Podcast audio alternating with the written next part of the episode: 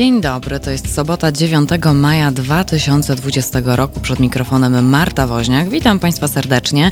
Dzisiaj w Halo Depeszy przenosimy się do Meksyku i przenosimy się na Kubę.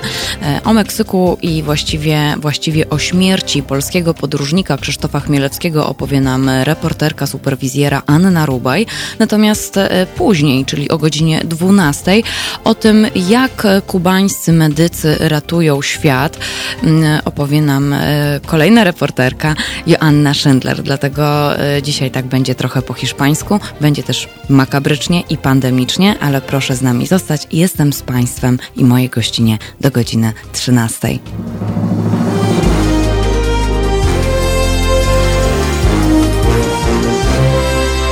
To jeszcze raz dzień dobry. Proszę Państwa, rozkład jazdy na dzisiaj y, znamy. I już ze mną na łączach jest Anna Rubaj. Halo, halo. Halo, halo, no witam Cię Marto, witam również Państwa. Bardzo mi miło i dziękuję za zaproszenie. E, cała przyjemność e, po mojej stronie. E, natomiast tutaj się skieruję teraz do Państwa, do naszych słuchaczy i słuchaczek. Jeżeli chcieliby Państwo zadać jakieś pytanie, podzielić się refleksją, proszę koniecznie to robić. Telefon do studia jest oczywiście do Państwa dyspozycji, to jest 22 39 059 22.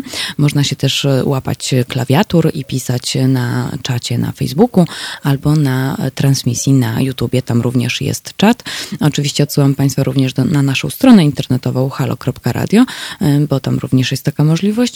Y, no i cóż, y, zaczynamy, bo dzisiaj będzie dość, proszę Państwa, ciężko. Jak wczoraj przygotowywałam się do tej audycji i doczytywałam jeszcze dużo rzeczy a propos Krzysztofa Chmielewskiego, jak to wszystko wyglądało i funkcjonowało dwa lata temu i rok temu również, y, no to, no to mm, no takie różnego rodzaju emocje we mnie, we mnie padały, że y, aż, aż trudno mi samej uwierzyć.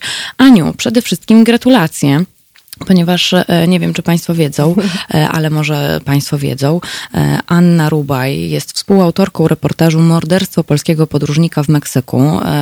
To ten reportaż telewizyjny został wyemitowany w superwizjerze TVN-u.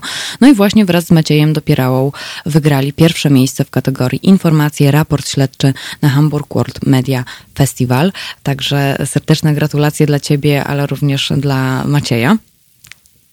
Bardzo dziękujemy. No, przyznam szczerze, że to było duże zaskoczenie i cieszymy się, że ten reportaż został nagrodzony. Tym bardziej, że mm, po takim czasie batalii i z prokuraturą, i z instytucjami w Polsce, w Meksyku, a nawet e, w Niemczech, no, udało się coś osiągnąć, e, uszknąć troszkę tej prawdy, no i, i przede wszystkim sprowadzić ciało Krzysztofa do Polski, czyli to, o co najbardziej chodziło siostrze Krzysztofa Izabeli. E, tutaj Państwa, jeżeli Państwo nie znają tego materiału, mogą go Państwo znaleźć. Po prostu morderstwo polskiego podróżnika w Meksyku, superwizjer, znajdą Państwo, to jest chyba na playerze dostępne. E, I powiem, powiem Ci, Aniu, tak, płakałam, to jeszcze wczoraj sobie zerkałam jeszcze raz w ten, w ten materiał. Płakałam w szóstej minucie, dziesiątej, jedenastej, dwudziestej trzeciej i dwudziestej siódmej. Tak, no po prostu, wiesz. Wynotowałaś sobie. Tak, wynotowałam sobie, bo no, tam są bardzo takie wzruszające, dotykające mnie mocno momenty.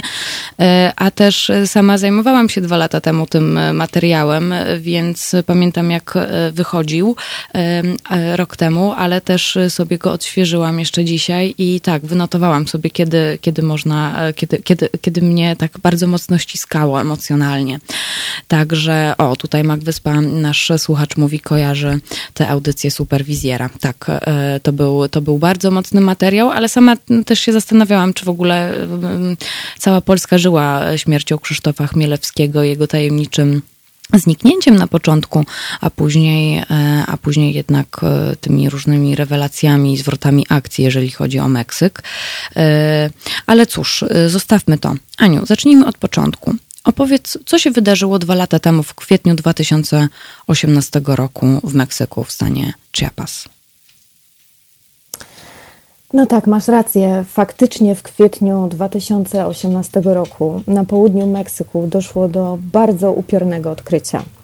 znaleziono zmasakrowane zwłoki polskiego podróżnika Krzysztofa Chmielewskiego w głębokim wąwozie. Właściwie to, to taki był dziki śmietnik. Ciało Krzysztofa pozbawione było głowy. Miał także odciętą dłoń oraz stopę maczetą. Kilkaset metrów dalej odkryto poćwiartowane fragmenty ciała innego podróżnika Niemca, Holgera Hagenbuscha. E, obaj byli podróżnikami, obaj e, zwiedzali świat na rowerach, planowali pokonać obie Ameryki z północy na południe. No i właściwie sprawę szeroko komentowały światowe media ze względu na jej niespotykaną brutalność. Nikt nie wiedział, dlaczego w tak okropny sposób potraktowano zwykłych podróżników z Europy. No właśnie, e, kim oni, e, kim oni dokładnie e, byli? Kim był Hagenbusch? Mhm.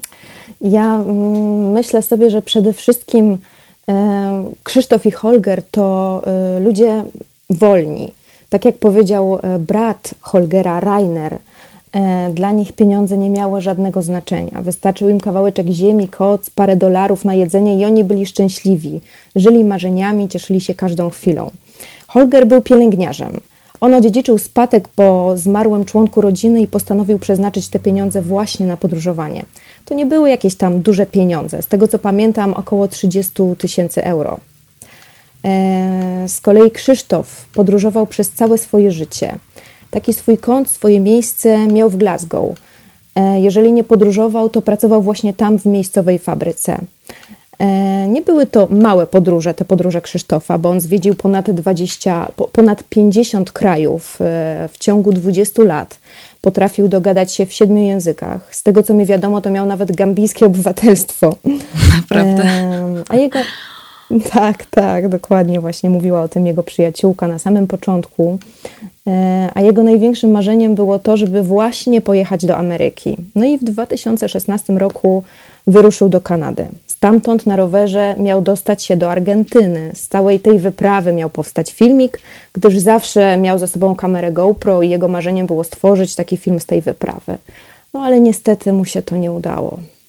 Tutaj e, materiały Krzysztofa też są dostępne chociażby na Facebooku. E, jest taki profil Krzysztof Chmielewski Podróżnik, więc jeżeli są Państwo ciekawi, e, gdzie był i co mówił ze swojego doświadczenia, to tam będę Państwa odsyłać.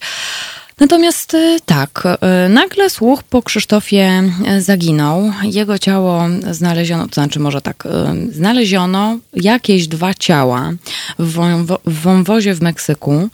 E, co to była za okolica? Ty tam byłaś, widziałaś jak to wygląda i e, malow malownicze, piękne, e, cudowne miejsce. Wąwóz wyglądał jak śmietnik, ale okolica była bardzo, bardzo niebezpieczna. Tak, to prawda, właśnie można powiedzieć, że miała takie dwie twarze. Z jednej strony to piękno, no a z drugiej strony to niebezpieczeństwo, ta brutalność. W miejscu, gdzie wyrzucono ciała rowerzystów, e, wcześniej znaleziono też e, ciało zamordowanego nauczyciela. Rok przed morderstwem podróżników odnaleziono ciało skrępowanego mężczyzny bez głowy, które było podpalone. Tereny, przez które jechał Polak, no, są bardzo, bardzo niebezpieczne. Osoba, która tam mieszka, opowiadała nam, że znajduje się tam e, nawet ciała kobiet i dzieci bez głów. Ludzie się tam boją mówić, e, co tak naprawdę się dzieje. No a prawda jest taka, że w okolicy działają liczne grupy przestępcze, słynące, słynące ze zbiorowych egzekucji, tortur, ćwiartowania swoich ofiar no a szefem kartelu, który dominuje nad regionem, w którym zginęli podróżnicy, jest, uwaga, były policjant, za głowę którego wyznaczono 10 milionów dolarów. Hmm. No i co ciekawe, w tym roku, nawet na początku tego roku, w tamtym regionie, zaatakowano polski autokar, obrabowano i pobito Polaków. Więc e, myślę, że no cały czas gdzieś tam to niebezpieczeństwo czyha. Y, takie morderstwo, takie morderstwa, seria morderstw to jest chyba u nas raczej rzecz niewyobrażalna. Obcinanie głów, stóp. Y, co tam się jeszcze wydarzyło, to powiemy, to powiemy później. Y, ale czy to jest pewnego rodzaju normą w Meksyku? No bo się tak mówi, prawda, że tak, że, że kartele, że gangi, że robią jakieś dziwne rzeczy, makabryczne rzeczy. Wygląda jakby tam tam faktycznie to było, to było normą. Gdzie jest, ja się zastanawiam teraz, wiem, że to takie raczej pytanie nasze, moje gdybające jest właściwie, bo jesteś, mhm. bo jesteś reporterką, e, ale e, jak ty tam byłaś właśnie z Maciejem i mm, przygotowywaliście ten materiał, to na przykład, nie wiem, drżałaś trochę o siebie? Ale no pewnie, że drżałam i to jak? Ja myślę sobie, że tak do końca chyba sobie sprawy sama nie zdawałam z tego niebezpieczeństwa. Tym bardziej, że my w ogóle wsiedliśmy w wana, pojechaliśmy w tamto miejsce, żeby to zobaczyć, żeby się przekonać na własne oczy, jak to było. E, I pojechaliśmy oczywiście tam w dzień. E, no i to mm. są piękne miejsca. Z pozoru wydaje się, że no, bardzo mili ludzie, folklor kwitnie, wszystko wydaje się być jak najbardziej w porządku. Hmm. Nic nam się nie stało, ale no, co ciekawe, zaraz jak tylko się tam pojawiliśmy, e, to przyjechały trzy patrole policji. Absolutnie nie mogliśmy się nigdzie ruszyć, więc no, ciekawe jest to, jeżeli jest tam tak bezpiecznie, no to po co ta policja tam przyjechała? Dlaczego e, musieliśmy pojechać do hotelu i nie mogliśmy tak, się z tego hotelu ruszać? Całą. Kiedy Niemiec tak, kiedy Niemiec tam e, w ogóle e, przyjechał, mhm. no to e, on z kolei pojechał helikopterem w miejsce zabójstwa swojego brata w obstawie Mówisz... 80 policjantów. To Naprawdę? O kurczę, mówisz, mówisz, o, mówisz, o bracie, mówisz o bracie Hagenbusza, o Rainerze, tak? Jak on tam tak, tak przyjechał. Tak, tak, oczywiście, mm -hmm. oczywiście. E, tutaj nasi tak, tak, tak słuchacze... Tak, dokładnie. Tutaj nasi słuchacze komentują e, Gregory House, klasyk w wykonaniu meksykańskich bandytów. E, pan Michał, już, już wiem skąd się bierze słowo Meksyk.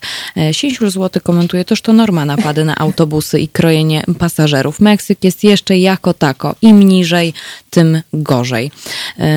Z kolei słuchaczka Lady Devita, ten Meksyk i kartele to masakra. Chłopak, który prowadził dział zagraniczny, o tym dobrze opowiada. E, tak, e, tutaj e, pozdrawiam Maćka Okraszewskiego, dział zagraniczny, zresztą również gościł tutaj u nas w Halo Depeszy. Pan Michał również przytacza statystyki od 2006 roku zginęło w Meksyku ponad 100 tysięcy osób przez wojny narkotykowe. Czekamy na Państwa komentarze. Zostawiamy Państwa na chwilę z Bobem Dylanem, ale do tematu wrócimy już za moment, bo chciałybyśmy Państwu też opowiedzieć, a właściwie Ania, jak wyglądała sytuacja mm, z dowiedzeniem się chociażby tego, czy to faktycznie Krzysztof Chmielewski wylądował w wąwozie w Meksyku. Słyszymy się już za chwilę.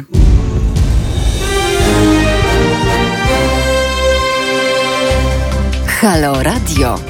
Gadamy i trochę gramy.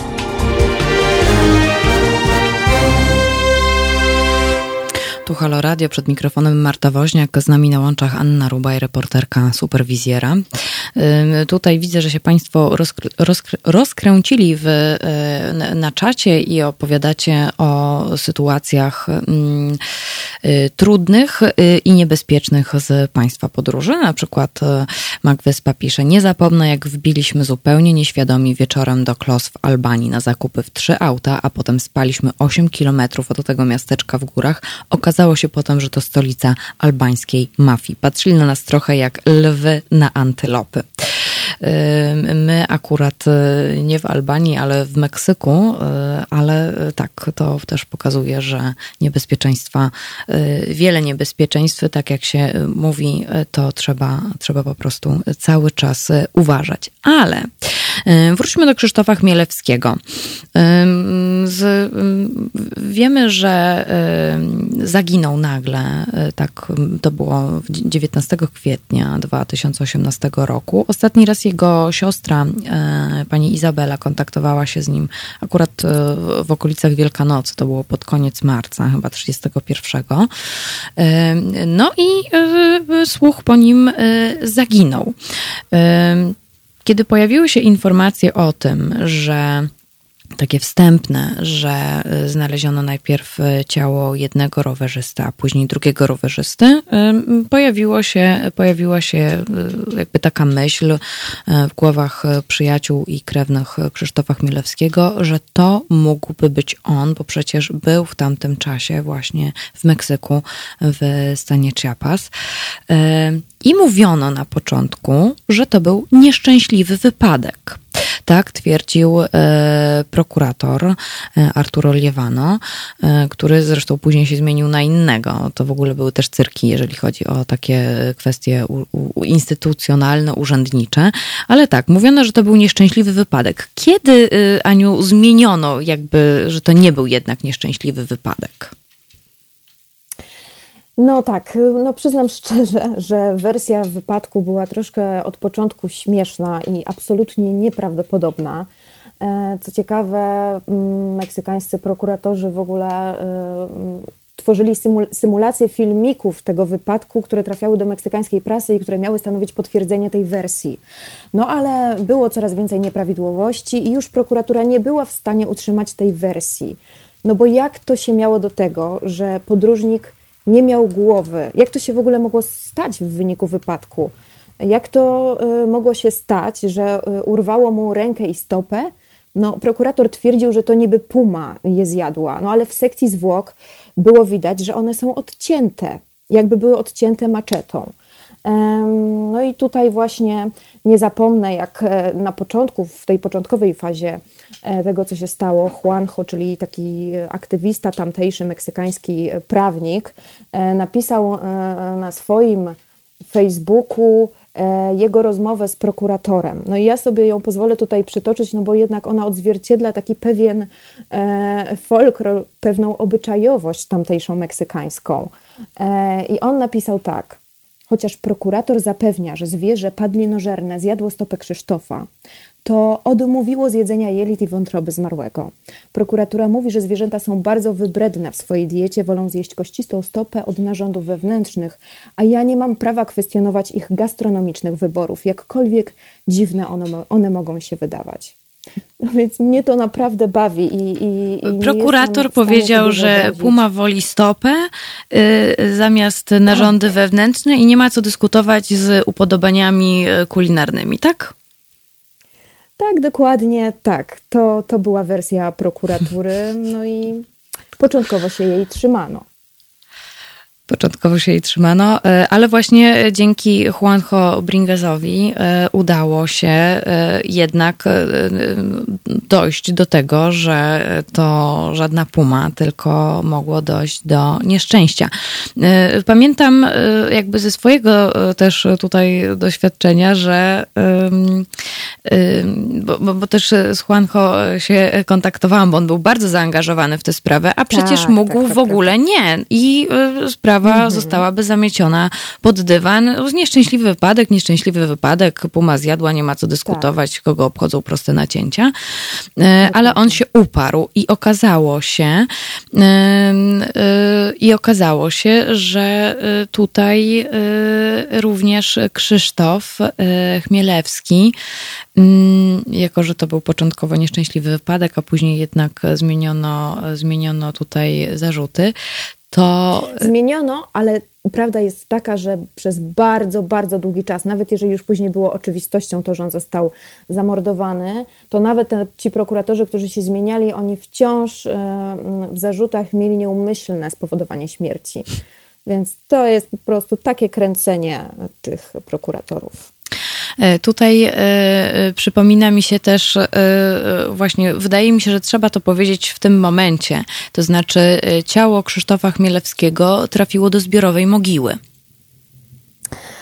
Tak, to był w ogóle ogromny szok, szczególnie e, dla Izabeli, czyli siostry Krzysztofa. No proszę sobie wyobrazić, że, e, że twój brat, Marta, wyobraź sobie, nagle e, się dowiaduje, że zostaje zabity. Później dowiaduje się, że zostaje zamordowany i to bestialsko, a później nagle się dowiaduje, że on już w ogóle został pochowany, w ogóle wszystko jest zamknięte, sprzątnięte i do widzenia. No ale jak to? Bez zgody rodziny, w ogóle y, jakim prawem. Tak? I nie wiadomo, czy to jest w ogóle twój brat jeszcze. A no właśnie, nic nie było wiadomo, dokładnie. No, nieprawdopodobna sprawa, naprawdę. Ja bym nie uwierzyła, gdybym sama tam nie pojechała, nie zobaczyła i nie przekonała się na własne oczy. Co ciekawe, y, do momentu, w którym my nie pojechaliśmy do Meksyku i nie zobaczyliśmy szczątków tego ciała, i w tych szczątkach ewidentnie było widać, że E, jest ślad po kuli w czaszce Krzysztofa, czyli coś, co no, było tak ewidentne i świadczyło już stricte e, o morderstwie.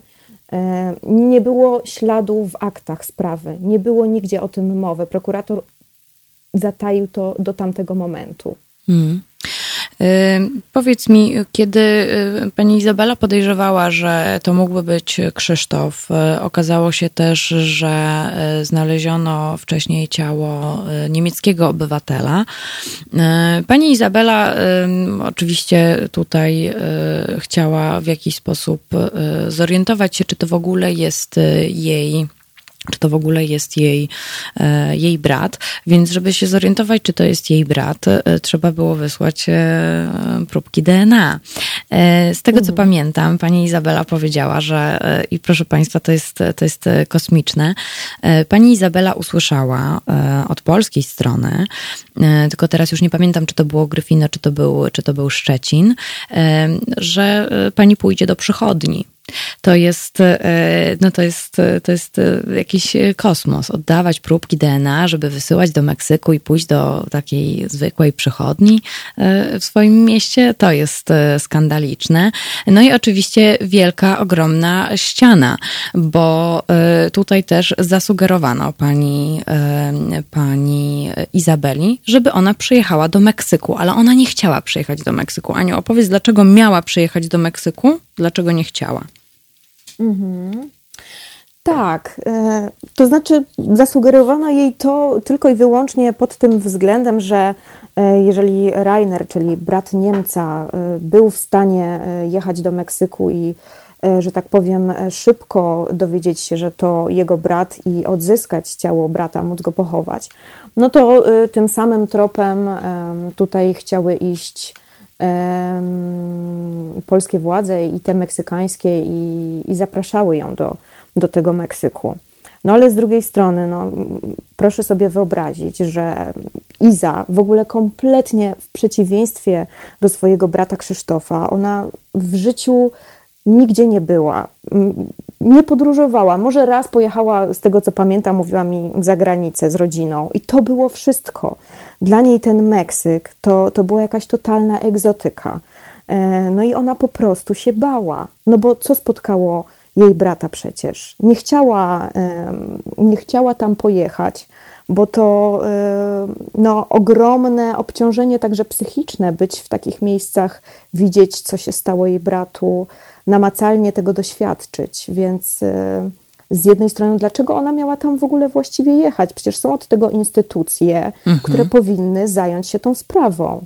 No a ta sprawa właśnie pokazała, jak bardzo nieudolne w takich sytuacjach są instytucje i urzędnicy, bo to właśnie o czym ty powiedziałaś, że ona ma sobie sama iść i e, wziąć DNA i, i sprawdzić, czy, czy to jest jej brat, no to to jest e, nieprawdopodobne.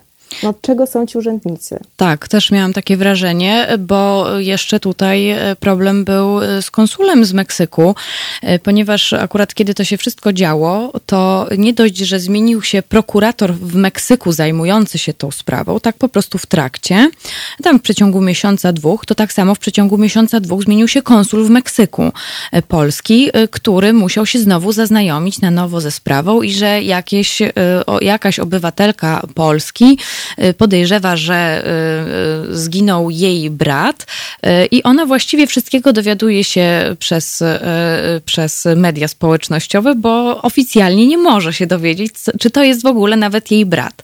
Ostatecznie, tak. ostatecznie wysłano próbki DNA i powiedz, jak później wyglądały, jak później wyglądały te procedury? Mhm. No, te procedury cały czas e, wyglądały praktycznie tak samo, czyli one się w ogóle nie posuwały do przodu. Mm, prokuratura e, tamtejsza, czyli meksykańska wraz z polską, przerzucały się odpowiedzialnością za swoje niepowodzenia. E, Meksykanie twierdzili, że Polska wysyła im wniosek za wnioskiem i te wnioski są nieważne, bo w ogóle polska prokuratura działa sprzecznie z prawem meksykańskim. E, z kolei polska prokuratura twierdziła, że to Meksykanie działają opieszale i oni nic nie robią. No, nie było widać końca, po prostu nie było widać końca. No i trzeba było coś z tym zrobić. E, Im dłużej nie było wiadomo, co się stało, dlaczego Krzysztof Chmielewski nie ma głowy i stopy, okazało się jeszcze, to już dociśnijmy ten pedał makabryczności do gazu, mhm. że ktoś mu wyrwał też serce. Tak, to prawda. To znaczy, no, my nie wiemy, czy on miał wyrwane serce, co, co, co właściwie się stało z, z tym sercem, ale faktycznie w aktach e, z tej sprawy mm, widnieje ewidentne nacięcie w miejscu serca i, i, i w sekcji zwłok wykazano, że tego serca nie było. E, więc no, na jego ciele niestety odkryto liczne ślady tortur, bicia, przypalania, no coś naprawdę strasznego. Początkowo e, Iza, dowiadując się o tym, w ogóle myślała, że to były jakieś rytuały, tak, że, że tam tejsi ludzie e, zabili go e, dla Boga jakiegoś, który tam, w którego tam wierzą.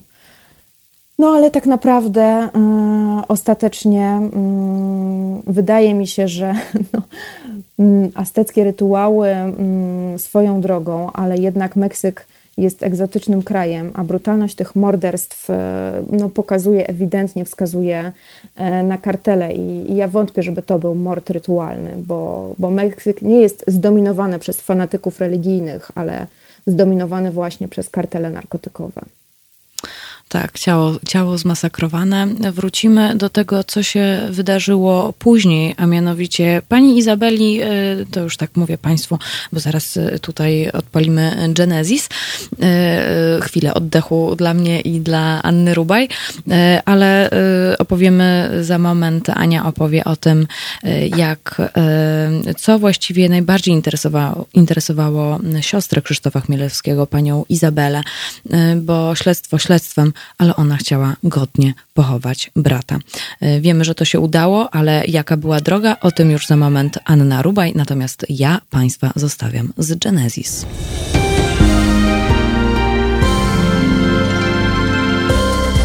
Halo Radio. Pierwsze medium obywatelskie.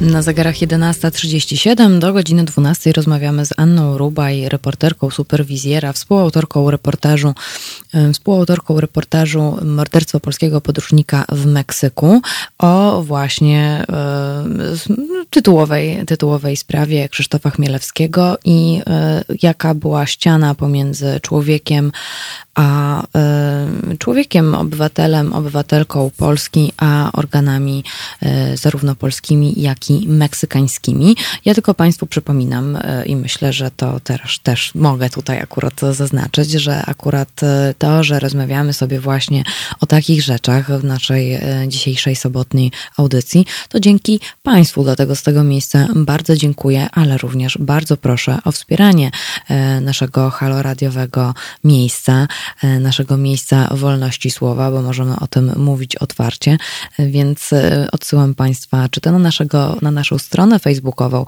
czy to na stronę halo.radio, gdzie znajdą Państwo informacje, jak nas wspierać. Każda złotówka się dla nas liczy, byśmy mogli się dalej rozwijać. Aniu, wracam do Ciebie. I y, o, pan Łukasz skomentował, ten temat jest niewiarygodny. Tak, niewiarygodny jest. A wiesz, co mi się jeszcze przypomniało? Pamiętam, jak pani Izabela mówiła, że chciała się zorientować, dlaczego jej ciało, y, ciało jej brata trafiło w ogóle do, mm, do zbiorowej mogiły.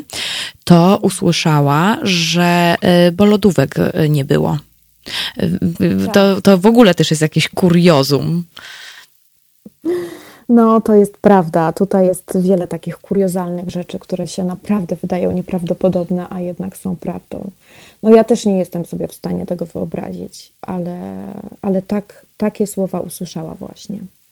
Tutaj jeden z naszych e, słuchaczy e, napisał, pan Marek, jedna rzecz. Jesteśmy w kajaku, który gna w kierunku bardzo grubej rozwały. Pojedyncza śmierć to tragedia. Śmierć miliona to statystyka, a śmierć miliarda?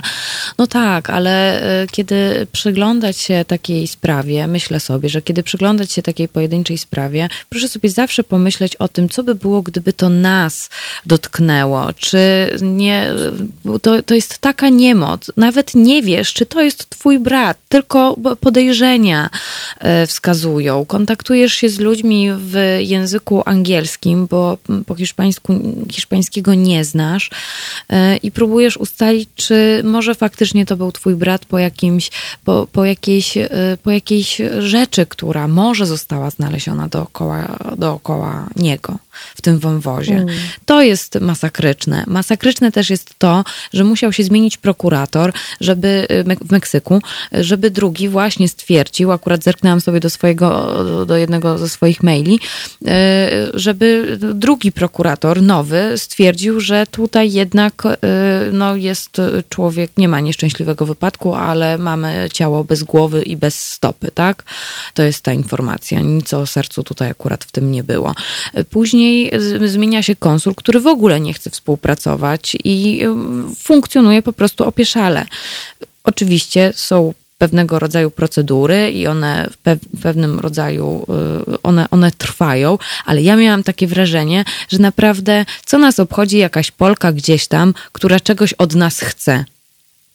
Jakby się zastanawiam, co wtedy, no, od, czego, od czego jest konsulat? Od czego, od czego są w ogóle organy? Jak my możemy czuć się, mm. nie wiem, bezpiecznie i pewnie, że, e, że wiesz, że jesteśmy, e, no nie wiem, zaopiekowani? Co oni mają, co oni mają innego do roboty? No to jest jednak też niecodzienne, e, nie, nie, niecodzienna, no niecodzienna sytuacja i wymagałoby to jakiejś pracy i poświęcenia, a nie zamiatania pod dywan. To tak się troszeczkę mm. zdenerwowałam. No, więc... No ale słuchaj Marta, wiesz, y, akurat mi się przypomniało, wiesz co Izabela usłyszała zaraz po, po tym, jak dowiedziała się, że jej e, brat najprawdopodobniej został zamordowany. Hmm. Zadzwoniła do konsula, e, chciała, chcąc się czegoś dowiedzieć, no a on jej powiedział, no ale przecież ja e, wszystko robię, pracuję, daję sprawozdania moim przełożonym, a w ogóle to teraz tutaj jest majówka i, i, i proszę zadzwonić później. Hmm. No więc jeżeli mamy takie podejście, no to niestety wiadomo, że nic dobrego z tego nie będzie. Im dłużej nie było wiadomo, co się stało, dlaczego Krzysztof Chmielewski nie ma głowy i stopy, e, to y, później różnego rodzaju inne dziwne rzeczy się działy po drodze. Y, ciało było zmasakrowane i pani Izabeli y, nie interesowało jako tako samo śledztwo, kto, bo akurat tutaj, tutaj podkreślę, to też e, jest w Twoim materiale podkreślone, że e, akurat e, Reiner, czyli brat Niemca, który również zginął w Meksyku, to jemu bardzo zależało, bardzo zależy do tej pory na poznaniu sprawców kto też dokonał morderstwa jego brata. Ale pani Izabela mhm. miała zupełnie inne podejście. Jakie? Tak, to prawda. No, jej inne podejście wynikało właśnie z tej niemocy, bo ona tak długo czekała na to, żeby dowiedzieć się, kiedy w ogóle będzie możliwy y, przyjazd y, ciała do Polski i pochowanie go. E, słyszała tak wiele kłamstw. Mm, te wszystkie niedopowiedzenia między prokuraturami, ambasadą, konsulem, e, ona po prostu straciła cierpliwość. Ona już nie chciała się dowiedzieć niczego. Ona po prostu chciała odzyskać swojego brata i móc zacząć żyć od nowa. Hmm. Chciała, chciała po prostu odzyskać ciało brata. Długo wzbraniała się przed wyjazdem do Meksyku. Mogłabyś opowiedzieć, jak tam razem pojechaliście? Dlaczego? Ależ, rzeczywiście, no tak, to prawda. Ja w zasadzie e, od początku jej proponowałam taki wyjazd. No ona się po prostu bała, nie była na to gotowa. Ona gdzieś tam cały czas wierzyła, że, że jeżeli Rainer e, odzyskał ciało swojego brata, no to i przecież lada chwila ona odzyska Krzysztofa. Miały święta Bożego Narodzenia, miała Wielka Noc. No i była cisza, niestety nie było wiadomo nic. No i w końcu przyszedł taki dzień, w którym e, pamiętam, że, że zapytałam ją tam po raz kolejny, bo mm, o czymś rozmawiałyśmy i, i oczywiście po raz kolejny wyszło, że, że nic nie wiadomo, nie wiadomo co się stało, nie wiadomo kiedy to ciało wróci. Oczywiście jak ja dzwoniłam do tamtejszej prokuratury, to oni mówili tak, tak, my już to wszystko mamy, jutro wysyłamy ciało, wszystko będzie. No i oczywiście co się okazywało, że tego nie ma. Więc e, Iza po prostu podjęła męską decyzję i powiedziała: Jedziemy. To jest niesamowite i, i naprawdę wykazała się ogromną odwagą, ogromną. Podziwiam ją. Tak, to prawda. To e, była odwaga, szczególnie, że podkreślmy, że e, pani Izabela bardzo się wzbraniała, bo sama też bała się o własne życie wyjeżdżając, bo hmm. zebranie pieniędzy na wyjazd do Meksyku, e, gdzie nie wiadomo, co nas tam czeka, to jedno, ale druga rzecz to to, że naprawdę nie wiemy, co nas tam czeka, więc wielka odwaga pani Izabeli, że musiała sama wziąć we własne ręce to, co powinno, to, czym powinni się zająć urzędnicy. E, powiedz, jak powiedz, nie udałoby się właściwie to wszystko, właśnie gdyby nie kontakt z człowiekiem, którego już dzisiaj wspomniałyśmy, ale on tak mhm. bezinteresownie chciał pomóc, opowiedzieć właśnie, chciał bezinteresownie pomóc Juanjo Giteres Bringes. Kim jest? Dlaczego tak mu na tym zależało? No i też ty się z nim kontaktowałaś i też występuje w Twoim materiale i cały czas jest taki zaangażowany. On jest jakimś tropicielem mhm. właśnie, czy... Tak, tak, to um, znaczy tropicielem nie jest. Ja może powiem właśnie tą sprawę od początku, jak on w ogóle się w nią zaangażował, bo on osobiście nie znał Krzysztofa, nigdy się z nim nie spotkał, ale jego przyjaciel, e, lokalny dziennikarz, będąc na wakacjach nad morzem, przez przypadek poznał Krzysztofa, bo ten e, zapytał go, czy nie ma papierosa. No i on mu tego papierosa dał, no i tak się zaprzyjaźnili. Później ten lokalny dziennikarz zaprosił go do swojego domu, właśnie do Chiapas, żeby go odwiedził e, i dał mu po prostu swój nocleg. No i później z rządzeniem losu, kiedy tak naprawdę, e, bo najpierw w ogóle mm, zdjęcie zwłok Krzysztofa pojawiło się właśnie w mediach społecznościowych, tam w Chiapas i, i to ten lokalny dziennikarz rozpoznał, że to może być Krzysztof, bo on go wcześniej widział. On widział jego rower, widział jego przyczepkę, widział jego ubrania i to on wiedział, że to może być Krzysztof. I wtedy właśnie włącza się Juanjo, który z nim jedzie jako prawnik do prokuratury, rozmawia, um, widzi sekcję zwłok i identyfikuje go jako Krzysztofa Chmielewskiego. Później e, nasz lokalny dziennikarz w ogóle się kompletnie, całkowicie wyłącza z tej sprawy. Mhm. Ja myślę, że on został zastraszony, po prostu e, przestraszył się. E, no ale Juanjo nie. To on tak jakby przejął pałeczkę, e, postanowił e, nas e, oprowadzić, powiedzieć, jak wygląda sprawa w Meksyku, zabrać nas w te wszystkie miejsca. No i właśnie tak, to dobry człowiek, nieustraszony. Też go podziwiam. Bardzo dużo nam pomógł. No i właściwie też za darmo zaoferował się, że zostanie pełnomocnikiem Izabeli, no ale wow. prokuratura meksykańska mu na to nie pozwoliła. A dlaczego? Nie wiem tego, nikt tego nie wie. No, oficjalnie y, zabrakło jakiegoś wniosku w dokumentach, coś było nie tak, y, ale Izabela miała y, wszystkie y, dokumenty, odpowiednie wnioski przetłumaczone przez przy, biegłego tłumacza przysięgłego, więc no, tam absolutnie nie mogło być żadnego braku, no ale po prostu nie pozwolili mu na dojście do tej sprawy. Bo za dużo rozmawiał z mediami właśnie. Myślę, że to była przyczyna. No tak, bo ludzie nie mają prawa wiedzieć, a nawet gdyby nie rozmawiał z mediami, to i tak jest to, jest to występuje w prywatnej sprawie nie jako przecież pełnomocnik y, gazety czy telewizji, ale jako hmm. pełnomocnik y, obywatelki Polski, która ma prawo do y, do tego, żeby dowiedzieć się, co się stało z jej bratem, e, kiedy już wiemy, że, się, że to jej brat. E, Aniu, to tak mamy już 11.48 na zegarach. E, powoli będziemy... Ale zleciało. Od... No, widzisz. Powoli będziemy odchodzić od tematu Krzysztofa Chmielewskiego, ale powiedz jeszcze na sam koniec. Udało się odzyskać ciało Krzysztofa. Po jakim czasie? Po roku czasu.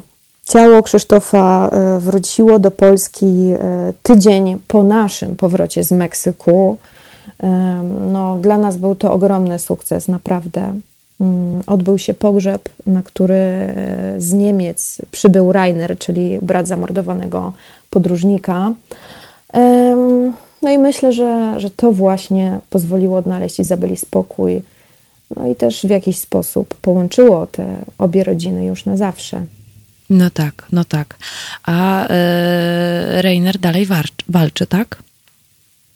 Nie, Rainer e, również. E, jemu się praktycznie kilka miesięcy po po morderstwie udało sprowadzić e, ciało swojego brata. Myślę, że to była końcówka lipca, czyli jak my się dowiedzieliśmy na początku maja, no, na przełomie kwietnia, maja o morderstwie, to on już pod koniec lipca miał ciało swojego brata i e, w sierpniu na początku go pochował. Właśnie dlatego, że no, musiał odbyć te dwie wizyty do Meksyku. Y, y, y, tak, to, to akurat mówiłaś wcześniej, ale pytam, czy on cały czas walczy o to, by dowiedzieć się, kim byli sprawcy. A, tak, o to pytasz. Mhm. Dobrze, bo nie zrozumiałam. Oczywiście tak, on dalej o to walczy. walczył o to, będąc w Meksyku.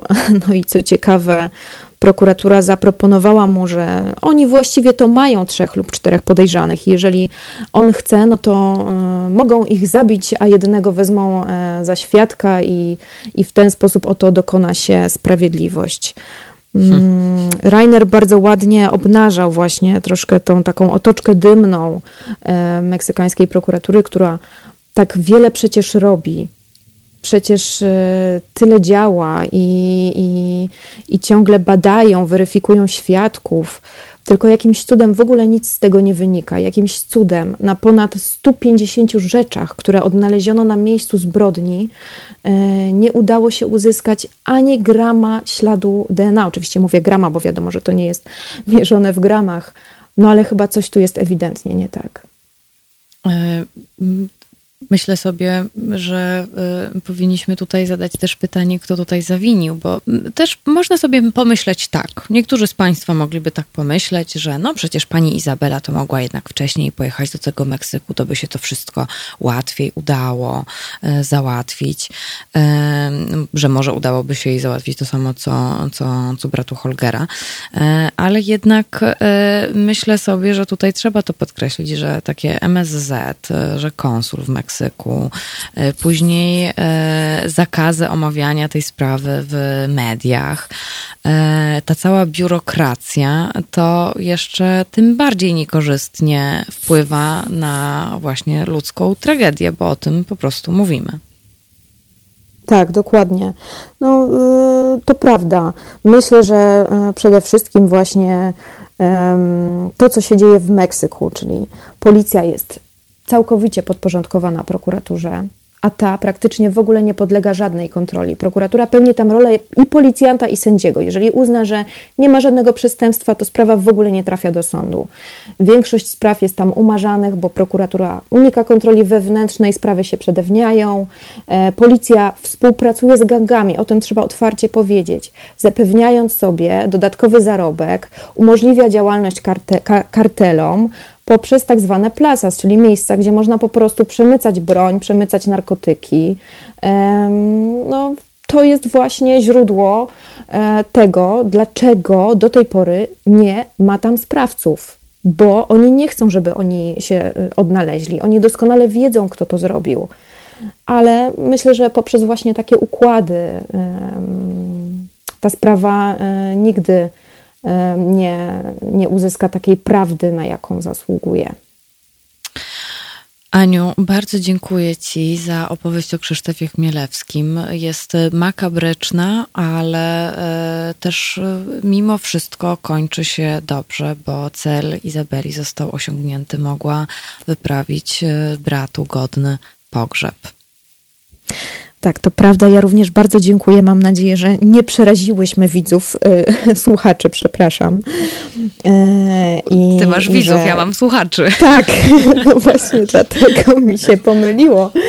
I że y, no, każdy wyciągnie mm, coś dobrego z tej historii, pomimo tak, takiego okropieństwa, e, jakie spotkało Krzysztofa Chmielewskiego.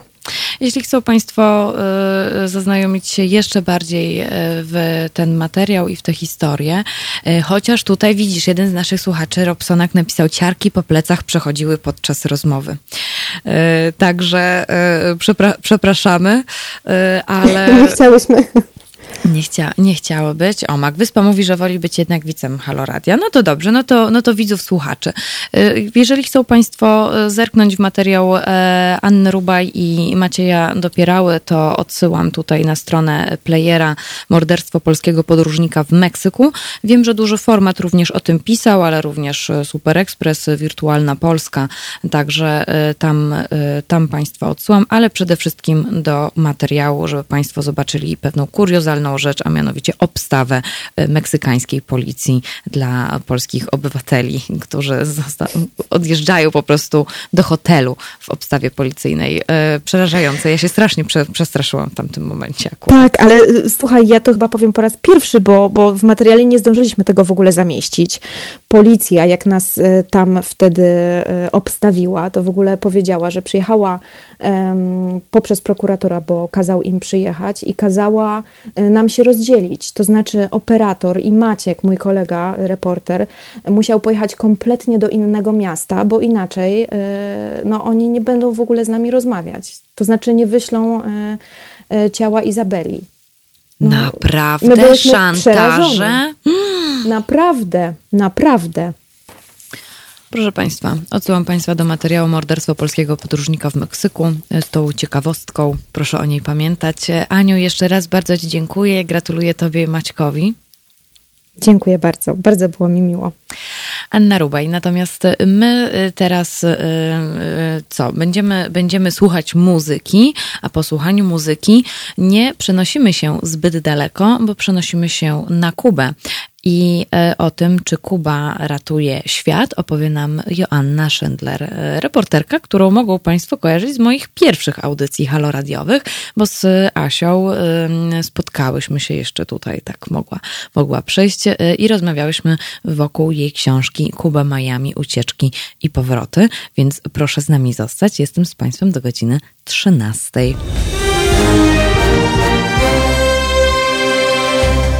Halo Radio. Gadamy i trochę gramy.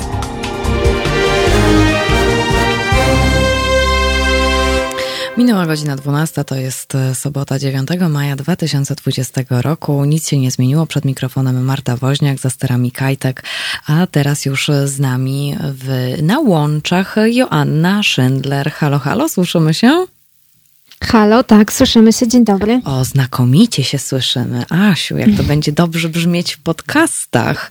E, przypomnę Państwu, że jeżeli są Państwo spóźnialskimi i na przykład chcieliby wysłuchać mojej rozmowy z Anną Rubaj e, jeszcze sprzed paru minut, to no niestety spóźnialscy będą musieli słuchać w podcastach. Podcast z całą pewnością będzie jutro e, lub w poniedziałek, tak, bo dzisiaj sobota. E, natomiast również odsyłam Państwa do podcastu, e, który mogą Państwo odsłuchać o mojej i Asi Schindler e, rozmowie na temat wokół jej książki Kuba, Miami, ucieczki i powroty. Wspaniała to, wspaniała jest to lektura, świetny reportaż. Już Asię chwaliłam, ale pochwalę jeszcze raz. Warto, warto, jeżeli Państwo myślą, że coś wiedzą o Kubie, to tutaj Asia Schindler trochę mówi, że chyba nie, więc, więc, jednak, więc jednak warto. Jeszcze tylko, Asiu, zanim przejdziemy do naszego tematu, przeczytam komentarz pani, pani Anny do tego, co, o czym mówiłyśmy wcześniej z Anią Rubaj. Niestety, nie wszędzie można spełniać spokojnie swoje pasje. Są miejsca i ludzie, którzy mogą nas pozbawić marzeń, życia, a nawet głowy i serca, tak po prostu. E, I już e, z tematu meksykańskiego, e, meksykańsko-polskiego schodzimy, bo przenosimy się na Kubę. Na Kubę się przenosimy. Proszę Państwa, tak ostatnio w Guardianie był temat na temat tego, dlaczego, nawet nie tyle dlaczego, ale że po prostu kubańscy lekarze ratują świat ze znakiem zapytania i postanowiłam zaprosić Asię, która mogłaby przecież wiedzieć na ten temat o wiele więcej niż ja po przeczytaniu jednego czy dwóch e, artykułów, e, właśnie o tym, e, jak to wygląda z tymi kubańskimi lekarzami, bo nie wiem, czy Państwo pamiętają. Dwa miesiące temu w marcu, kiedy oglądaliśmy, jak świat chyli się ku upadkowi, bo panika, bo, bo, bo koronawirus, lekarze chorzy, bo nie wiadomo niczego, a jeszcze były informacje, że wiedzą Państwo, że laboratoria, że nietoperze, że, że masa rzeczy i koronawirus sieje spustoszenie we Włoszech. Problemy pojawiały się też w zakładach pogrzebowych e, we Włoszech. No i słowem, to państwo było w strasznym stanie, bo już w tysiącach liczono zmarłych. E, nawet znalazłam taki fragment e, z prasy. W poniedziałek 23 marca odnotowano, że z powodu COVID-19 we Włoszech zakażonych koronawirusem jest 59 tysięcy osób, z czego 5,5 tysiąca zmarło, a uratowano około 7 tysięcy osób. I nagle pojawia się informacja, że wyspecjalizowana brygada lekarzy z Kuby, dokładnie 52 osoby, wyrusza z Hawany do Mediolanu.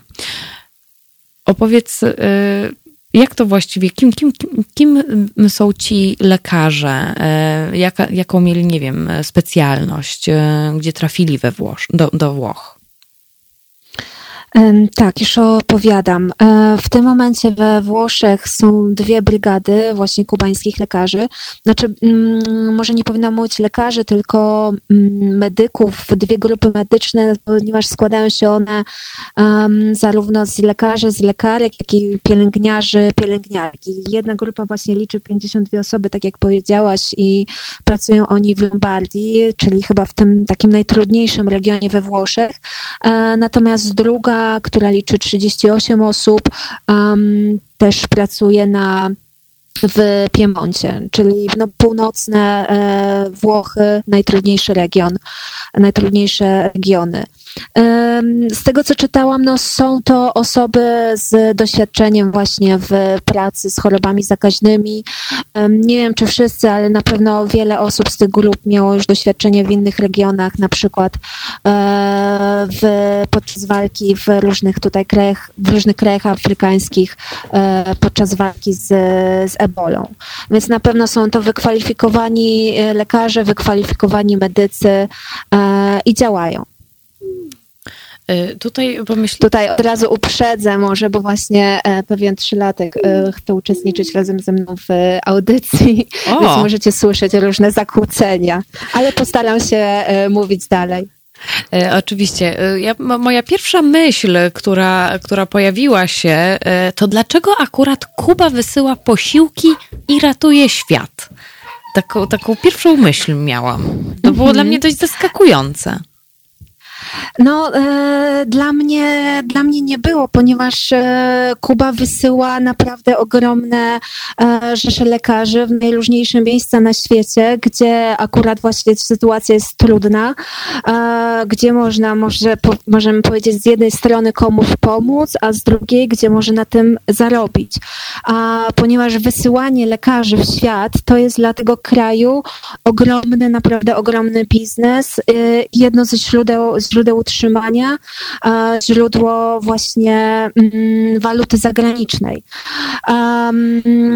Tak jak właśnie sprawdzałam jeszcze wczoraj ostatnie statystyki z 2019 roku, no to 6,5 miliarda e, dolarów Kuba zarobiła w 2019 roku z usług medycznych e, na świecie, z kontraktów e, u swoich lekarzy. Co jak na ten kraj nie jest liczbą ogromną, ponieważ ostatnie lata to właśnie były spadki, coraz mniej zarabiano, a 2016 rok to prawie dwa razy więcej, 11,5 miliarda dolarów. Um, mogę jakby też opowiedzieć e, dlaczego, jak i w ogóle jak to się dzieje, bo mm, no z jednej strony kubańcy, kubańscy lekarze mają e, sławę, e, są znani na całym świecie, z jednej strony jest to naprawdę świetnie zrobiony marketing, a z drugiej strony no, wielki rzeczywiście biznes dla tego kraju. Liczy się, że w tym momencie na całym świecie jest około 28 tysięcy kubańskich medyków, e, lekarzy na świecie w najróżniejszych regionach pracujących właśnie na zagranicznych kontraktach. To powiedz w takim wypadku, e, gdzie jeszcze jeździli e, lekarze? Kogo ratowali?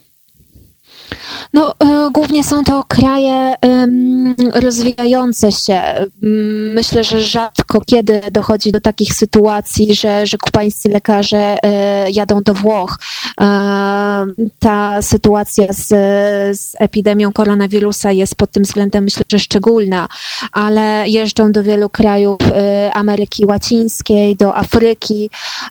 To są takie dwa kontynenty, takie dwa regiony, gdzie ich pracy mm, potrzeba najbardziej.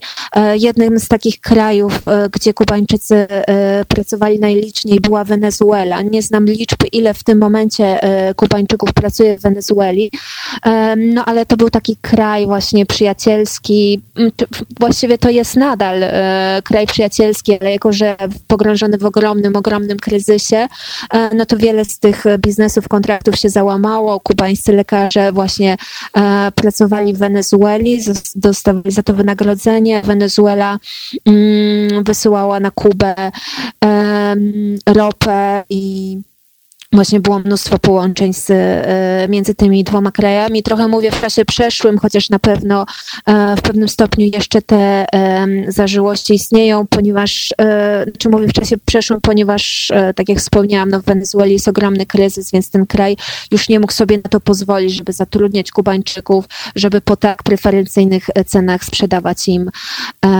ropę. E, ja tutaj Państwu przypomnę, e, przypomnę jeszcze, że mogą się przecież z nami Państwo kontaktować, gdyby Państwo zapomnieli, ale myślę, że nie. Ale dla tych, którzy na przykład po raz pierwszy e, słuchają Halo Radia, przypominam, że mogą się Państwo z nami kontaktować. Czekamy na Państwa telefony. Numer telefonu do studia to jest 22 39 059 22.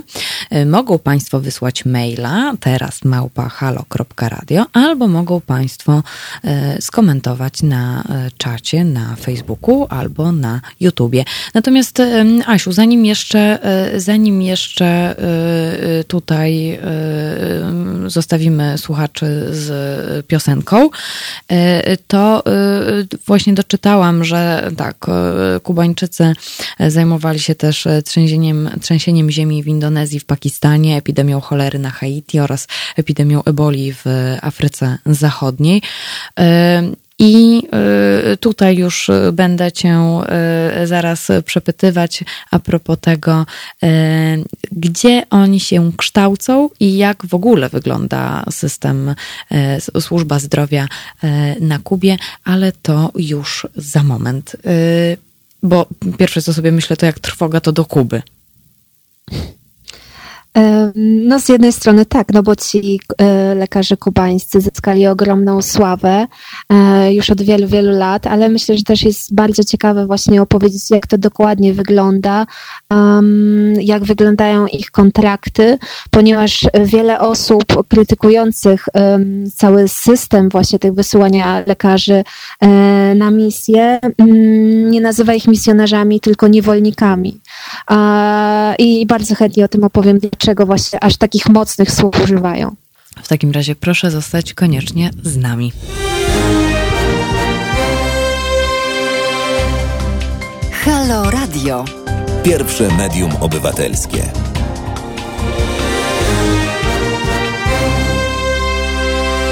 Jak trwoga to do Kuby, rozmawiamy o lekarzach, medykach kubańskich, którzy ratują świat i jeżdżą w różnego rodzaju zakątki.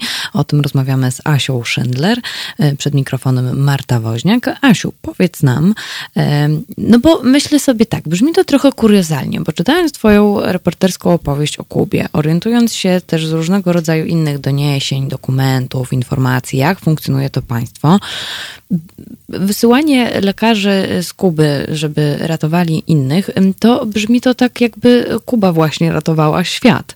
E, Kuba, ten kraj komunistyczny, odizolowany od reszty. Czy to nie jest jakiś, nie wiem, zabieg propagandowy? No, myślę, że mm, żeby odpowiedzieć na to pytanie i w ogóle opowiedzieć trochę tę historię, mm, muszę się cofnąć do początków, czyli do momentu, kiedy w 1959 roku rewolucjoniści przejmują władzę na Kubie. Z jednej strony prehistoria, minęło ile? 60 lat od tego momentu.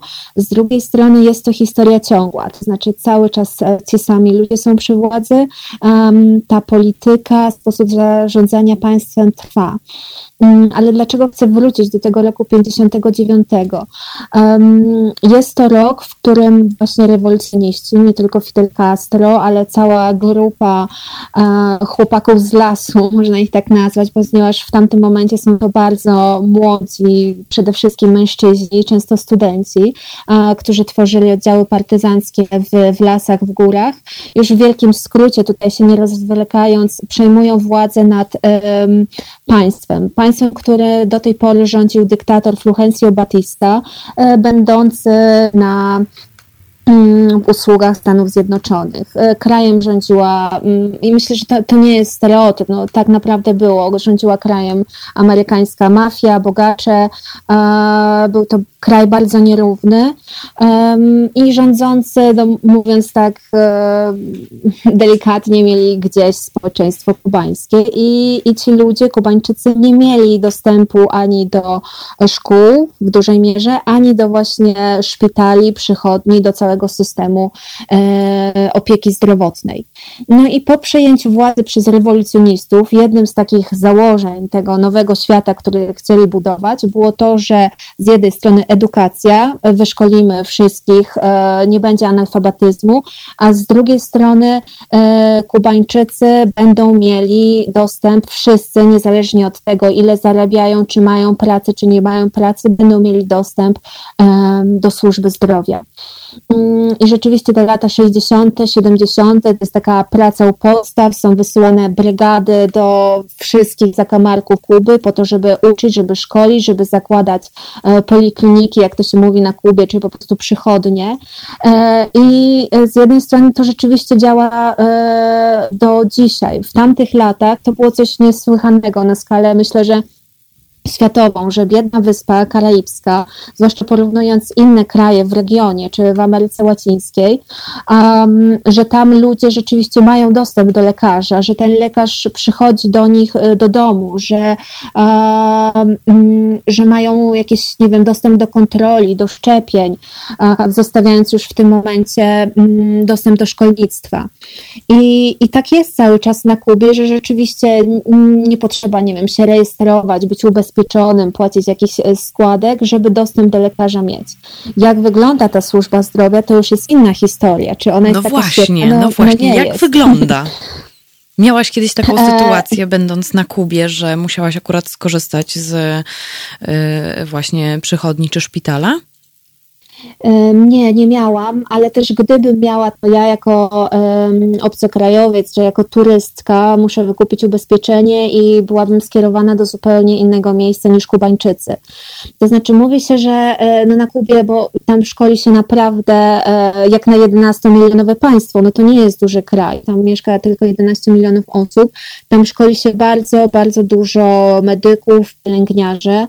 Um, z drugiej strony, no zawsze się powtarza to, że no, mamy XXI wiek, na Kubie brakuje wszystkiego, to nie są wyspecjalizowani w nowoczesnych e, technikach leczenia ludzi, że tam brakuje nowoczesnego sprzętu, e, bo medycyna przecież bardzo się rozwija, potrzebuje e, najróżniejszych tutaj, nie wiem, wyposażenia, sprzętu i tak dalej.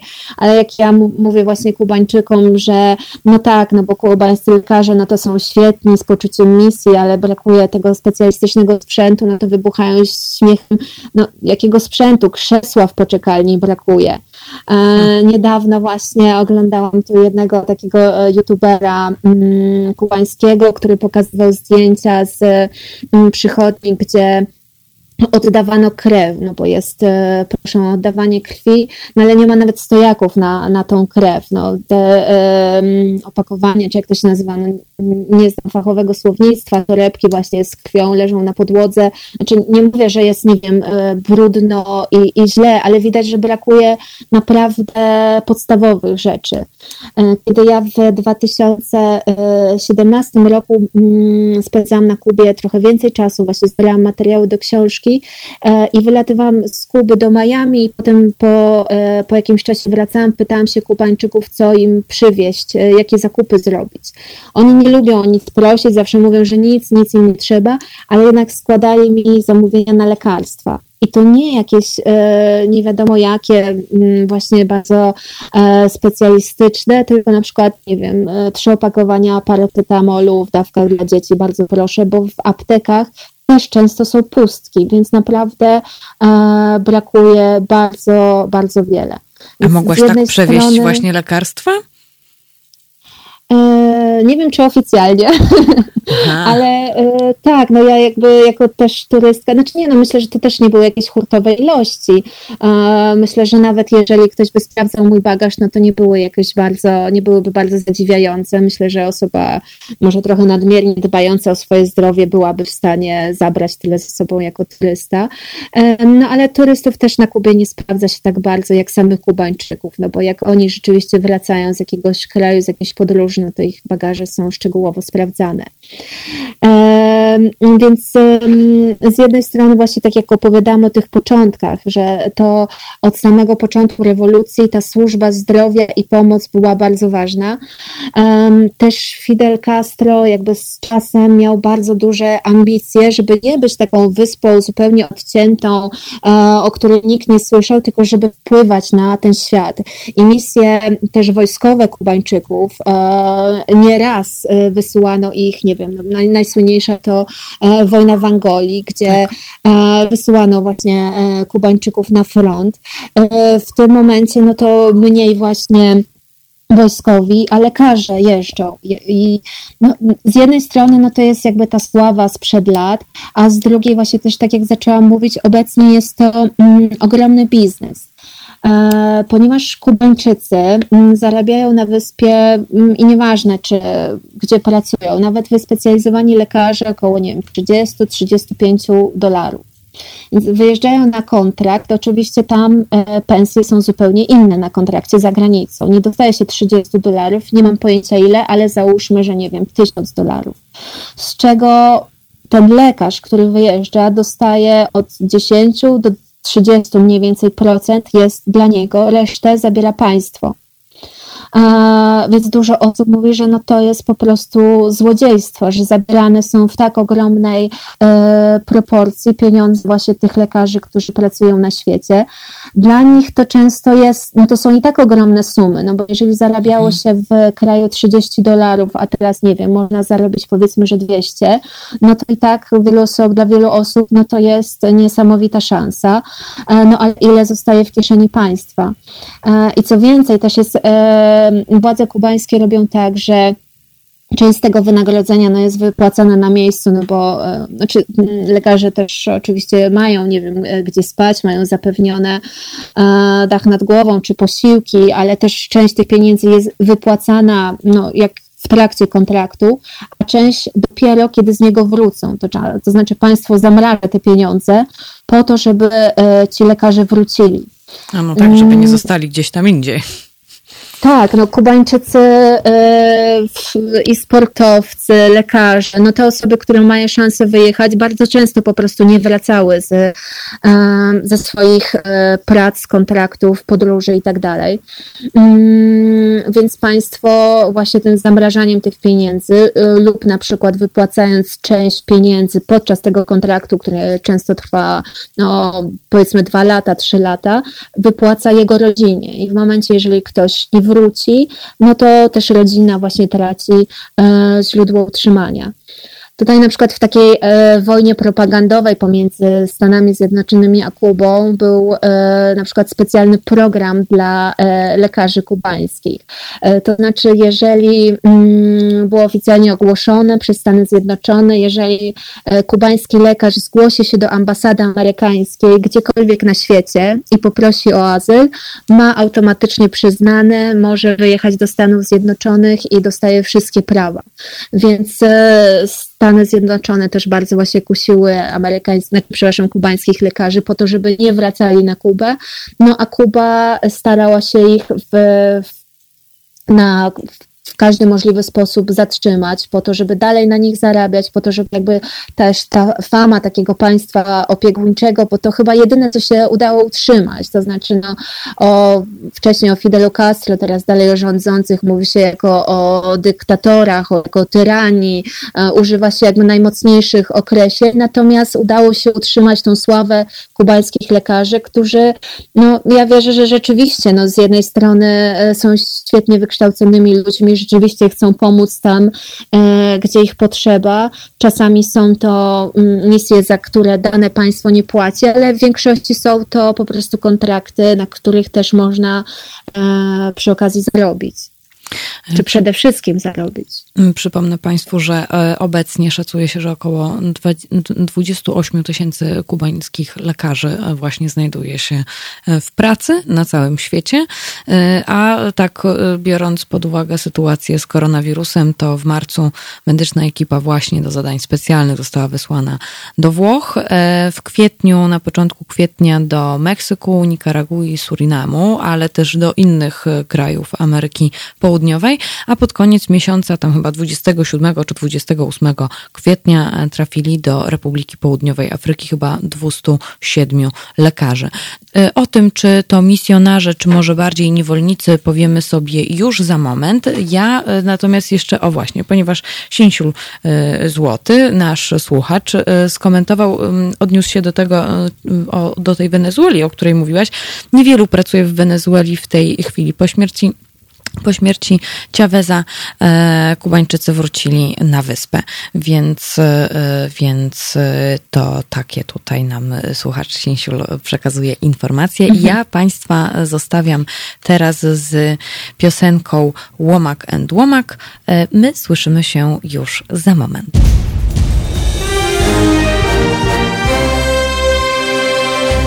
Halo Radio. Gadamy i trochę gramy.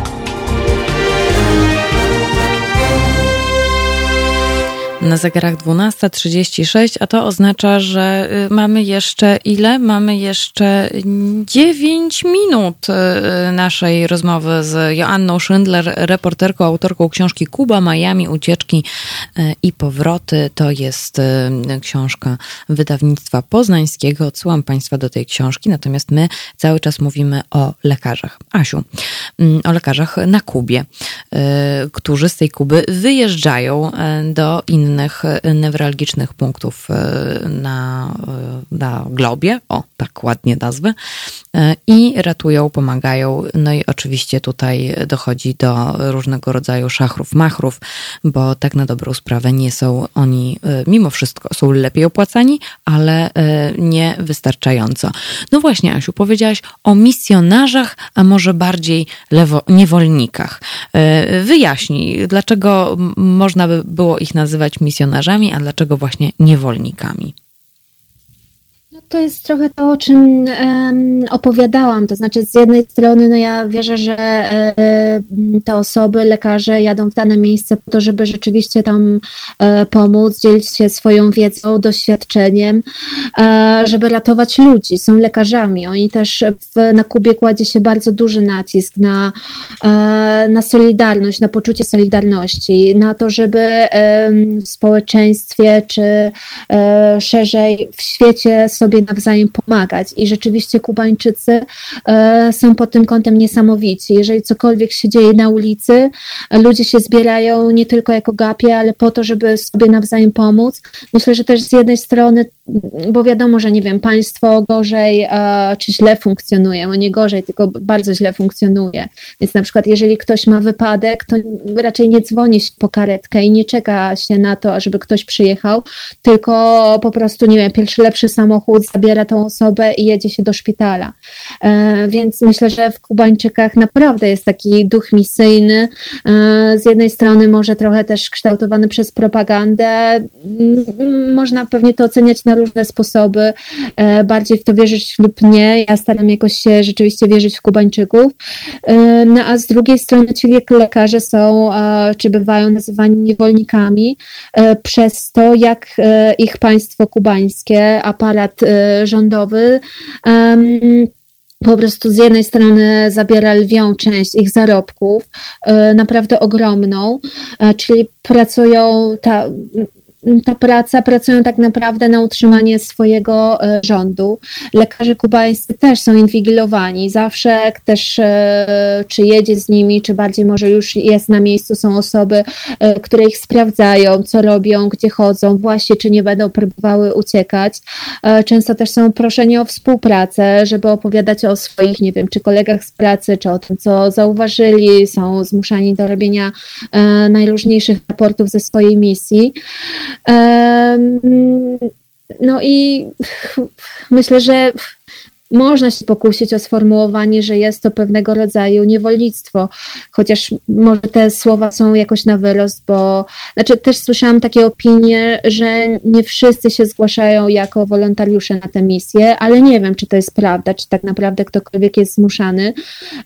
Bardziej wiarygodną informacją wydaje mi się to, że oni do końca nie wiedzą, gdzie jadą. To znaczy wiedzą, że na przykład, nie wiem, jadą do Brazylii, chociaż z Brazylii po, e, po objęciu rządów przez e, nowego prawicowego prezydenta kubańscy lekarze zostali mm, wyrzuceni, też właśnie było o tym głośno, ale już w przy, przykładzie Brazylii, e, tak, tak, on powiedział, on właśnie też używał tych słów, że to są niewolnicy i on nie będzie płacił za utrzymanie rządu e, kubańskiego e, w takich sumach, więc dziękujemy bardzo, wracacie do domu. Więc tak, przy okazji wspomniałam o kolejnym wątku, ale właśnie mm, chodziło mi też o to, że oni na przykład jadą do Brazylii. Potem się okazuje, że są to najtrudniejsze regiony, do których nie dociera zupełnie, nie wiem, nikt, żadna służba zdrowia i oni tam naprawdę mają pracę misyjną. E, z drugiej strony nie byli świadomi, że ona na przykład będzie aż tak trudna w takich warunkach, e, w miejscach zupełnie odciętych od świata. Hmm. Tutaj e, nasi słuchacze również wskazują na to, że e, my również jako Polska wysyłaliśmy czy wysyłamy pomoc w inne regiony świata. Tutaj pan Janusz wspomina o śpiworach do Stanów Zjednoczonych. E, Gregory House wysłaliśmy tiry z maseczkami do biednego Watykanu. Pan Janusz odpowiada, tak, polscy lekarze też pojechali do Włoch. Trochę mi smutno, jak słyszę pean na temat Chin. Jaki to wspaniały i rozwijający się kraj, a nadal rządzą tam ludzie, którzy wysłali czołgi przeciwko studentom. E, Sięsiur Złoty wskazuje, w Brazylii wysyłają ich do dżungli, czyli to, o czym właśnie mówiłaś. E, słuchaj, mamy jeszcze cztery minuty. E, może zdradzisz, mhm. powiesz, jak wygląda właśnie sytuacja na Kubie w związku z pandemią, w związku z koronawirusem. Jak wyglądają statystyki, jakie są nastroje, może, może czegoś się dowiedziałaś przez ten czas? No tak, no, na Kubie też trwa lockdown. Kubańczycy siedzą w swoich domach, większość z nich nie pracuje. Jeżeli ktoś musi wychodzić do pracy, no to przyjeżdża po niego właśnie firmowy transport, zabiera go do pracy. Nie działa w ogóle transport publiczny, mm, wszelkie taksówki czy samochody prywatne też nie powinny przewozić e, innych osób, więc rzeczywiście wszyscy siedzą zamknięci w swoich domach. Brakuje bardzo wielu produktów, więc Kubańczycy wychodzą z domów po to, żeby po prostu przede wszystkim znaleźć jedzenie. Mm, bo na, Kubach i tak, na Kubie i tak jest bardzo ograniczona dostępność, teraz jeszcze bardziej, więc oni tak czy siak się gromadzą w kolejkach przed sklepami. E, są też limity właśnie na to wprowadzone, co ile może kupić jedna osoba. E, oficjalne statystyki mówią w tym momencie około 2000 zarażonych. Wszyscy właśnie Kubańczycy, może nie wszyscy, bo też bardzo wiele osób wierzy w to, co podają e, oficjalne źródła kubańskie, no ale wielu właśnie niezależnych jakichś komentatorów, dziennikarzy czy po prostu Kubańczyków zawsze podkreśla, że są to oficjalne dane, czyli tak naprawdę nie wiemy e, nic bo dla większości osób no nie są to wszystko, co mówi kubański rząd, nie jest wiarygodne. nigdy nie przyznaje się, nie wiem, do porażek, do problemów. Um, zawsze ze wszystkim daje sobie fantastycznie radę, nawet jeżeli widać gołym okiem, że nie wiem, e, coś nie działa, że sytuacja jest tragiczna, to i tak zawsze będzie określana jako pod kontrolą, e, zawsze będzie ogłaszany sukces. To ja może jeszcze dodam, że ta liczba którą wspominałam na początku, e, właśnie, że Kuba w 2019 roku miała zarobić 6,5 miliarda e, dolarów właśnie z tych e, kontraktów medycznych, to też są jakby oficjalne dane, czyli też nie wiadomo tak naprawdę, czy, czy, czy mhm. właściwe, mm. czy, czy wiarygodne. No więc Kubańczycy, no, mm, mając, nie mając raczej e, dostępu do internetu, nie pracują zdalnie, tylko po prostu siedzą w domach, e, trochę się nudzą. E, no i sytuacja też jest o tyle trudna, że to państwo w dużej mierze utrzymuje się z turystyki. Teraz wiadomo, turystów nie ma nigdzie. Mhm. Na samym początku epidemii zostali oni zebrani do właśnie hoteli, odesłani e, z, z Hawany do swoich domów. No i to rzeczywiście ten brak wpływów z turystyki może być no, nie wiem, czy, czy zmieni ten kraj, ale na pewno Kuba to odczuje, na pewno bardzo odczuje, e, bardzo mało rzeczy dóbr produkując, właśnie utrzymując się głównie z turystyki, czy pieniędzy wysyłanych przez Kubańczyków mieszkających w Stanach do swoich rodzin. E, być może e, ta sytuacja no też zmusi rządzących do wprowadzenia pewnych zmian, czy do jakichś e, e, poluzowań, ale to już moje jakby czyste takie zgadywanie. W tym momencie no, te osoby, które pracowały na posadach państwowych, czyli większość Kubańczyków, to cały czas, nieważne czy pracują, czy nie, dostają swoje pensje. Natomiast jeżeli ktoś miał biznes prywatny, na przykład wynajmował pokoje turystom, e, czy prowadził jakiś swój mały sklepik, to nie ma żadnych programów pomocowych, musi sobie sam radzić. Sięsiul napisał, dotarliśmy do sedna, dlatego tak wielu wysyłają teraz w świat. Proszę Państwa, e, tak, Asiu, tak. bardzo Ci dziękuję za to, że opowiedziałaś nam dzisiaj o tym. Ja również, bardzo dziękuję. Bardzo się cieszę, bo myślę, że to jest e, no, ciekawy temat. Ja Napisz z tego też... tekst, koniecznie. Bardzo interesujące. To jest bardzo interesujące. A ci, którzy chcieliby się czegoś dowiedzieć, a e, uważają Państwo, że powinni, a nie słuchali naszego, naszego dzisiejszego spotkania, to proszę koniecznie podsyłać podcasty i polecać nas tak również innych, nie tylko, nie tylko naszą Halo Depeszę. Dziękuję Państwu bardzo za dzisiaj moim gościniom, e, a także Kajtkowi. Zostawiam Państwa z Jakubem Dymkiem. E, my słyszymy się e, w piątek o godzinie siódmej, albo e, jeżeli Państwo wolą światowo, no to jednak sobota, godzina 11. Słyszymy się. Dziękuję. Marta Woźniak.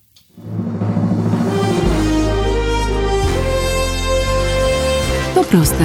Żeby robić medium prawdziwie obywatelskie, potrzebujemy Państwa stałego wsparcia finansowego. Szczegóły na naszej stronie www.halo.radio, w mobilnej aplikacji na Androida i iOS-a oraz na koncie Fundacji Obywatelskiej w serwisie www.patronite.pl. Naszym darczyniom i darczyńcom serdecznie dziękujemy.